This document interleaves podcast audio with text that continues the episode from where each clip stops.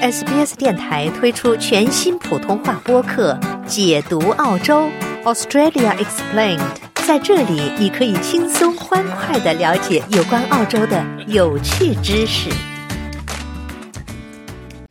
从法律角度看待社会现象，以专家意见指点生活迷津。请听现场说法。现场说法，您了解法律、咨询问题的空间。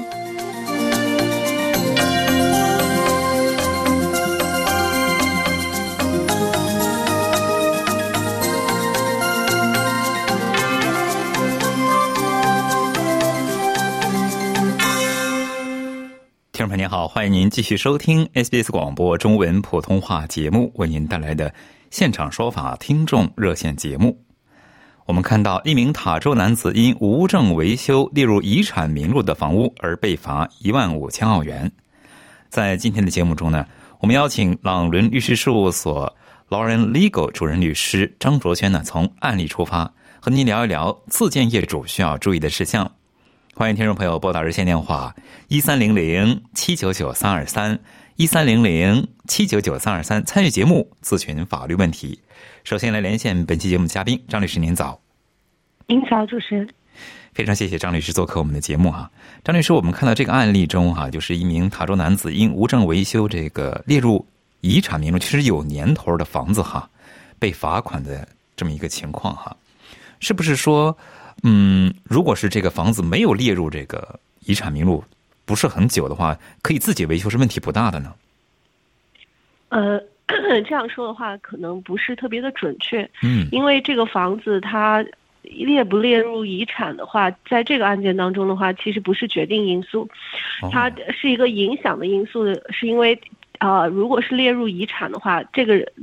人无论是自己做还是叫别人做的话，他都不能够轻易的把它给推掉，因为他已经是列入遗产，只能对它进行加固和维修。对。但是呢，由于呢，很多人以为说，呃，我既然是对一个寄存的建筑物进行这种加固和维修的话，那么就应该不需要去申请任何的呃这个许可，我自己就可以做，因为它毕竟不是重新推倒然后重建的这么一个工程。对。但实际上呢，这个在法律规定当中的话，因为为了保障这个房屋的质量和安全，它是有具体的规定，哪一些范畴是你可以作为呃自己是屋主的话可以做的工程，那哪一些工程呢？你是必须得要请注册的这种建筑商和从业人员去进行的这个工程。嗯，所以在维修跟这个建筑之前哈，最好是先咨询一下专业人士，是可以这么理解吗？对，至少你要去网站查询一下，这个自可以自己进行维修的这个范围是哪一些？嗯，就说在维州的话，如果是比方说自己建房子的话，应该是可以申请成为自建业主的哈。如果是自己维修的话，一般来说，除了自己查询之外，嗯，还有哪些渠道？比方说可以，就是说确保自己要把这个房子维修一下，或者是动一下，呃，会是满足要求的呢？呃，那么首先这个。呃，拿维州为例吧，就是说，它的话，其实新州啊，还有塔州这些都会很相似。对，他们呢，首先会说你你应该在这个网站或者是相关的一些呃信息上面看到，你如果对自己的房屋自住的房屋工程施工的话，作为屋主的话，你就会被定义为叫做自建业主，也就是 owner builder。哦。那么，那么如果说你要。成为这个法律允许的 owner builder 的话呢，它有一定的最基本最基本的要求。首先，第一的话呢，你必须是这个房子的所有者。嗯。第二的话，就是你要做的这个成工程的话，不可以是商业性质的，必须得是跟你这个住的住宅有关的。嗯。然后第三的话，你要证明说你要住在这个住宅里面。第四的话，你不是说我是在做一个翻新然后卖房子的这么一个生意。嗯。那么第五个的话，就是有的时候你还可能会被要求，如果你的工程递上去看到是比较复杂一点的，他还要求你进行一些学习和评估，然后这些一些施工的培训、安全的培训，然后啊，第六个的话就是，你如果说啊没有保险的话呢，是不可以的。有一些情况，比如说你将来要出出售你自己自建的房屋的话，那么你还要去。可能要去进行一些呃，这个保险的购买。嗯，那么最后一个的话，就是大多数情况下，他还是要看说你是否已经以这个业主的身份，在过去五年当中，已经去做了一种叫做呃自建业主这样子的，对自家住宅进行维修的这种情况，因为它主要防止的就是一些人想要规避注册的这个建筑。从业人员的这个要求，不停的自己买了房子住进去一段很短的时间之后，就进行翻新之后又去出出售，它会避免出现这种情况。哦，所以就是这些规定的话是，如果你要进行自住房屋进行呃翻新或者是加建等等这些工程的话，即便你是呃没有这个在超过政府规定的范围的话，你也要满足这些要求。然后满足这些要求的话，你就可以到这个市政部门去提交一个申请，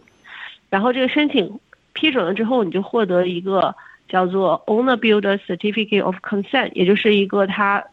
市政部门允许你进行对自己的这个物业进行大的翻新，还有加建等等这些工程的这种同意书。嗯，其实一般来说，这个 要申请的话，一般自己都有点水平才可以自己去翻新的哈，翻修哈。嗯，这个是对的，因为，呃，从这个你可以看到这个具体的规定就可以知道，就是说啊、如果说你自己没有一定的知识和这个能力的话，你要进行的这个工程特别大的话，不是一个比如说只是修一个呃木的木头的那种炸炸弹呃栈道啊，还有就是，并不是一个简单的一个呃杂物房这样的很简单的工程的话。呃，加建一个小的房子啊，等等这些的话，那么他就会看你有没有这个能力。如果你没有这个能力，没有这个知识和经验的话，他就会要求你进行培训，否则的话，他就不会发给你这个证书。嗯，非常感谢张律师的介绍哈，听众朋友，您正在收听的是现场说法听众热线节目。稍后如果有时间呢，还会请张律师为大家多介绍一下有关自建业主同意证书以及这个自建业主在出售房产的时候和其他业主有什么不同。接下来我们接听听众电话，这位是 Angela，Angela 您好，主持人，我想问一下张律师个签关于签证的问题可以吗？还有一个房屋装修的问题。哎，你请讲。呃，就是签证的问题呢，因为我在就是疫情期间换了国籍，呃，因为最近想回国嘛，但是就是签证手续比较繁琐，因为我也不太懂这个签证，所以想问问，嗯、是否还可以使用那个没有过期的中国护照，还是不可以了？呃，在法律上来讲，您如果已经加入了澳洲国籍的话，你就是澳洲人。所以说，呃，您在使用中国护照的话，中国那边其实是不许可的。啊、具体的情况就是有人使用了之后回国的话，如果被发现的话，可能会，呃，直接取取消你的户籍等等这些规定，然后可能还会有一些对您行程和各方面生活的这些比较大的影响。所以肯定不会建议你要去做这样冒险的事情。嗯您的另一个问题呢？那那我想问一下，就是说，那如果要是说我去他其去其他国家，然后再呃再回中国的话，也是不行的，对吧？去其他国家，因为澳洲签证去其他国家是免签的嘛，对吧？这个这个，您去哪个国家的话，都会涉及到你如果用一个已经在中国的法律下认定已经呃无效的一个护照，那么中国你进入中国国境之内的话，中国的国家的法律都会对你可能进行一些呃规范，让你让你会有一定的损失或者一些不良的后果。OK，那看来就是别人给我解答了个错误。OK，那好，谢谢你。那我想问一个房屋装修的问题，就是说，呃，因为我家有三个房间嘛，其中家里有老人，就是想装出来一个，嗯，算是美容间吧，这个需要申请吗？就是说，呃，里面要有一个呃洗头床，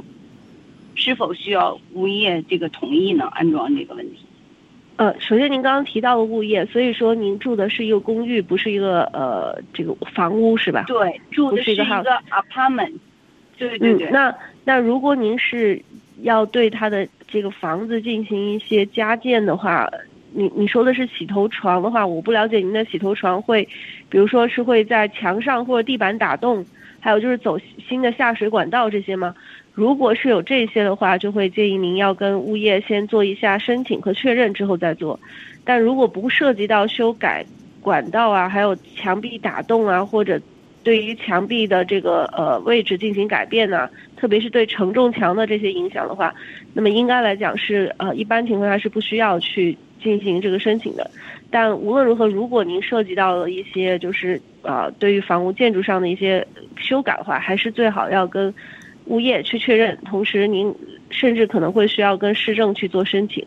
那么您第一步的话要做的应该是去找呃这种制图的，就是如果你要做这个工程，有一些画图的人，他们会告诉你说这个东西是否需要递交到市政。那如果你要经过市政允许的话，你就毕竟是要经过你这个呃 OC，也就是物业进行同意才可以的。供您参考。OK，好的，谢谢。好嘞，谢谢安哲来祝您顺利。就是特别想问您，张律师，就说，嗯，自住业自建业主是不是都需要获得您刚才提到这个自建业主同意证书呢？哦，是这样子的，呃，在这个市政考虑了一些特殊情况的下面的话，他们的确提出了一些例外，就是说，如果你满足一些条件的话，就可以不需要去呃市政去申请这个证书，也可以施工。嗯打个比方，嗯、如果你要做这个工作，它的总成本是少于一万六千，呃，那个呃澳币，嗯也就是呃这是在维州的规定。那么在其他州可能有些稍微不一样的地方，但大致的价格应该就是在一万五上下这个样子。嗯然后具体的金额的话，就是大家如果有兴趣，就到市政的网站去查，就会讲。然后第二个的话，假设你做这个工程的话，跟你住的房子是没有关系的。然后第三个的话，就是如果说你做的工程只是一部分，你是呃做自己来做，然后另一部分要交给一个注册的建筑从业人员，然后你实际上总的工程是由这个注册的建筑从业人员来负责的。那么你在他的监管下去做这个事情也是没有问题的。嗯然后最后一个的话就是说，啊、比如说，如果你是根据一些呃法律规定所要求进行的一种紧急命令下所进行的这些工程，那么他们也是进行豁免的。还有就是，如果你就像刚刚主持人您提到的，就是说，如果这个人本身有能力进行建造，对于安全知识非常了解的话，也是可以的。那么在法律上来讲的话，要么你就是这个建筑商本人，要么呢你就是这是为什么您看到这个案例上面，他强调说啊，其实我自己也有这个技能的，但实际上他并不是一个呃有这种资质的资啊对资格证认可的建筑商，所以他是没有办法获得这个豁免的。然后要么呢，你就是一个 architect，就是一个建筑师，要么最后的话你更厉害，如果你是这个政府的这种管理房屋建筑这方面的这些呃部长的呃这个部部门的部长这样的官员，你也可以获得这方面的豁免。还有一个问题想让你给我们简要介绍一下哈，就是说这个自建业主在出售自己的这个自建过的这个或者自己维修过这个房产的时候，和其他业主有什么不一样吗？呃，的确是有不一样的，因为，呃，政府就是考虑到说，如果呃是正规的这种呃获得资这个证书资格的这种呃建筑从业人员的话，他们这个房屋本身的话，一般来讲都会更加的规范，有保险啊，有检验检验的机构证书这些等等的。但如果是自建业主可这方面的话，就有可能比较起来进行规范的那些建筑商来讲就会差一点，所以他就在这个呃售卖的上面就会设定一个门槛。如果说你作为自建业主的话，比如说拿维州还是拿维州来做例子的话，嗯那么如果你计划出售你建造或者翻新的房屋，啊、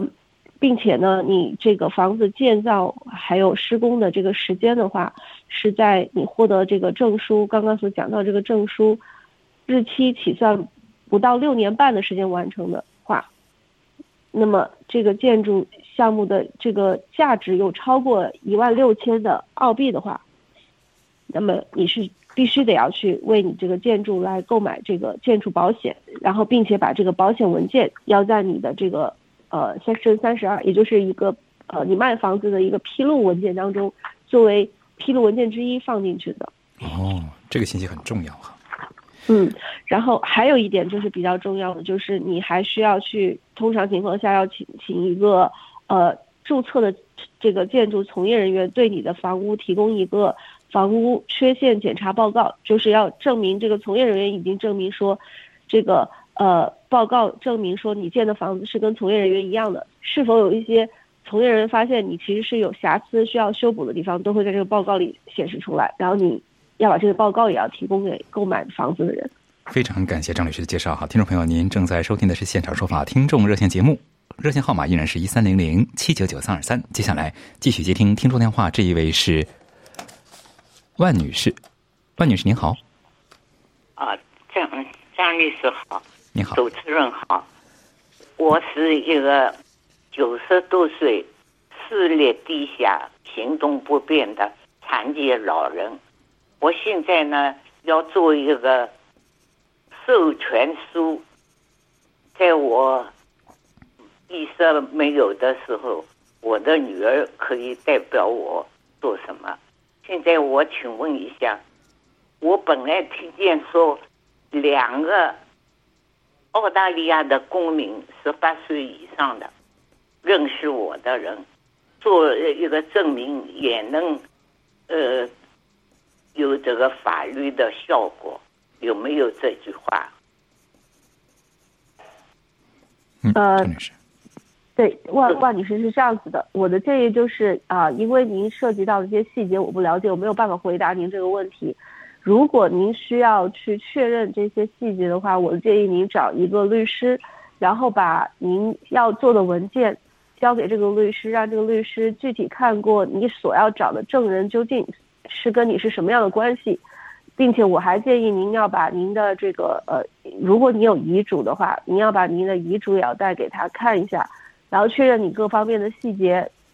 呃，包括如果像您说您身体上可能，呃，您年龄比较大，身体健康已经出现一定的影响和问题，您最好是呃让这个律师跟您的医生也要进行要沟通，了解到您这些情况之后，再由这个医生来决定。是否适合让您想要指定的人可以做您的这个呃监护人，来帮您去处理，无论是您个人医疗上的一些决定，还是您财产上的一些决定。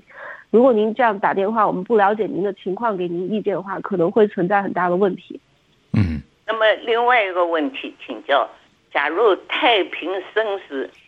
证明我的女儿可以代表我这样的个授权书。在法律上，呃，有没有效果？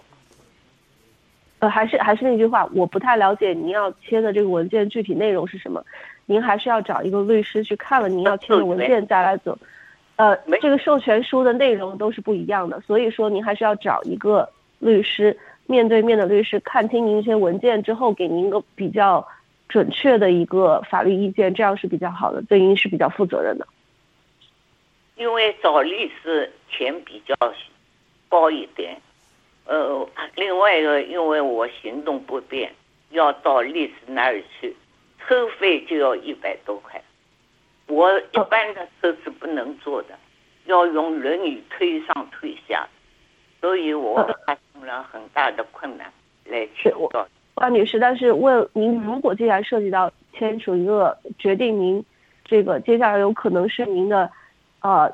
这个医疗的一些签字书，重大决定，包括您有可能会涉及到您的财产的问题的话，我的建议您还是几百块的律师费还是要付给那个律师，无论是让他到，因为我了解有些律师是可以上门提供服务的，无论是您去他的律师事务所，还是由他来到您这里，因为这些决定还有文件是非常重要的，所以还是建议您要去找一个律师去妥善的处理，这样子您后面可能造成的损失就会大大的被减少。否则的话，您现在啊，按照您的猜测去签任何，首先我没有办法根据您所讲的东西给你任何的意见。其次的话，如果您按照您的猜测或者不懂法律的人的意见去做了一些文件，到最后被证实这些文件由于某一些要件缺失，可以去被执行，导致您接下来比如要做一些手术进行签字，没有人签字，或者您接下来要买一些。什么样的呃医药的东西，或者你名下的房产要进行一些什么样处理，或者政府要给你一些什么样的呃这个这个叫 pension 也好，就是任何的金，跟您之间需要处理的这些文件也好，因为这些没有做对，然后导致您后面这些都受到阻碍的话，这样对您的损失会更大。嗯，好的，供您参考谢谢。哎，谢谢王女士，祝您顺利哈。接下来继续接听听众电话，这位是洪先生，洪先生您好，您您好，是我吗？是您，您请讲。这样，我那我那个房子呢是微了，微了呢，那我您这个声音突然就是呃有很大的杂杂音哈，您请问您是有放在免提吗？呃没有，现在可以了吗？呃，还是有杂音？哦，我我的房子是微了，嗯那么我在十几年前呢，因为要看中国电视啊，在屋顶上装了一个大锅啊。那嗯现在呢，前这个前一段不是刮风吗？这个房子有点漏水了，漏水了呢，我就告诉那个物业管理啊，那我们有交物业管理费呢，他本来是包括修房房房子的嘛。那他这次呢来看了一下呢，他就说，好像是因为你这个大锅引起的，他说这个需要你自己出钱。嗯那我就不知道这个情况是应当自己出钱呢，还是可以在那个原来交的钱里面的管理费里面的。嗯，张女士，呃，首先问 先生您好，呃，洪先生您好，就是您要了解的情况就是，呃，物业他的这个不是说他收的管理费可以帮你修这个，而是说如果说你们任何的公共区域的这个房屋还有设备受到这个呃破坏等等的话，是或者有有损自然损耗的话，那么就应该是由所有的物业的屋主所提供的这个钱去维修的。呃，那么在您这个情况，关键是你要看他说的是不是对的。如果说是由于您设置的这个东西造成了这个房屋的这个呃破坏的话，导致漏水的话，那他当然有权利要求您提出来，您修，然后把这个东西呃给完成恢复为没有问题的状态。但如果说这个东西您看到的情况是，并不是由你设下的这个呃这个设备造成的，而是由于它这个房屋风吹日晒雨淋它自然所造成的损伤的话，那么就应该是由物业来修。那么还有一种情况，如果说这是既有你的原因，又有它这个本身房屋是风吹日晒，那你可以进跟他进行谈判，就是有一部分由你来出，有一部分应该由公共的这种基金来维护的这种基金去来去修理，是这样子一个情况。嗯哦，他这样子，你刚才讲的我知道，就是公共区域，这是大家出钱的，这个我们已经过去办过这种事了。那现在我这个不是公共区，就是我自己的屋顶啊，就我住房的屋顶，那就是我，就对于我的一个宿舍边几单元的房子的屋顶，所以这个呢，呃是这么张女士对，但是您刚刚讲了，您说的这是屋顶嘛？那屋顶其实是这个房屋的一个部分，并不会是说它正对着你的房子就叫做你个人负责的地方。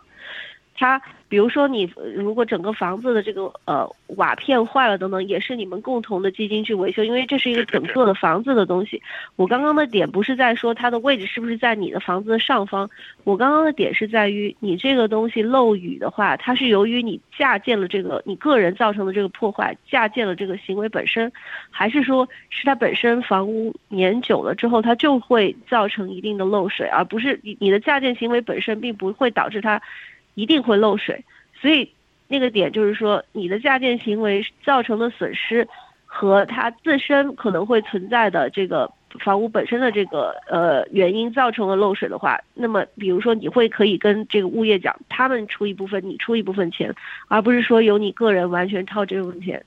那嗯对于这个的鉴定，你可能需要找一个懂这个建筑的人去做一个给你一个意见，然后把这个意见告诉这个呃房屋的这个物业。所以您的点关键是在于这个损坏是完全由你个人造成的，还是说是有多方面原因？你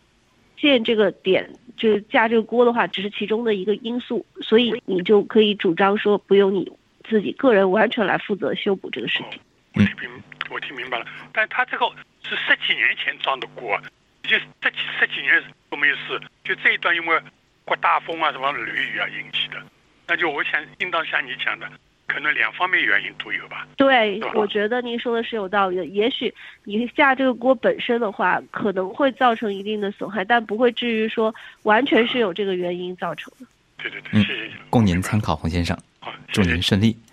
接下来我们接听下面一位听众，这位是张先生，张先生您好，喂，你好，哎，您请讲。呃，我姓江，啊，江先生您好，是，呃，我想请教张律师一下有关手机那个门号收费的问题。那我在去年的时候加入一个电信公司的门号，那讲明是无合约，随时退出。那加入以后呢，我到今年，呃，在十二月底的时候，十二月中的时候呢，我就因为他公司方面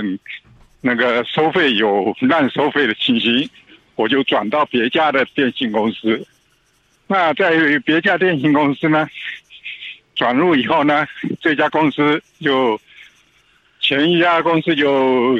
跟我讲，你十二月七号转出了，但是你十二月的费用还是要照缴。那我就照缴给他了。但是呢，缴完以后呢，在一月份的时候，他又给我来一张收费通知，他是说我还要继续缴一月份呢。那我就续信给他，跟他讲说，我一月份我门号已经转出了，不在你们公司，你们也没有给我费用收费的服务啊，那我不缴这个费用。那他就继续还是催我缴，他说，因为你没有通知我们你要退出，所以还是要继续缴这个费用，而且他说你不缴的话，我们就把你送到呃讨债委员会那边，给讨债公司或者上法院去催你这个款。那请问律师，我这个费用需要缴吗？呃，对，贾先生，听到您呃刚刚说的这些情况的话，首先，如果你认为你有理由去质疑他的收费，比如像您说的，他跟你虽然有合约，但是他首先在合约过程当中没有按照合约规定去向你收取费用，乱收费，所以导致你才会换另外一家的话，我认为你应该把这些证据要收集一下，要写清楚。然后呢，提出向他们提出说，呃，是由于你的原因才使得我去需要这个呃违反这个规定。本来我可以要跟你要五个月或者六个月，但我现在一定要换，因为是你乱收费等等，导致我没有办法再继续履行这个合约。那么第二的话就是，他如果威胁你说他要去讨债公司等等去法院的话，他是有这个权利。但是就像我刚刚说的，如果你在质疑他收费是有理由的，那么他不一定能够成功。嗯，到法院去拿这个命令，说你能够去去想要强制执行得了你。那么，所以你最重要的还是要去写明说为什么你会要换另外一家。嗯，然后如果他跟你这样子不讲理的话，那你最后的手段就是你可以把你的这些等等的文件全部送到消费者委员会去投诉这个机构。谢谢张律师的介绍，也非常感谢听众朋友们的咨询。因个人情况因人而异，法律问题复杂，本节目仅供一般性参考，并无意提供个案法律建议。具体法律纠纷，请咨询专业律师。想在 SBS 当一回影评人吗？SBS On Demand 正在推送配有中文字幕的热门影视作品，您只需观看一部或以上影视作品，并把影评观后感发给我们，就有机会赢得一份 SBS 精美礼品。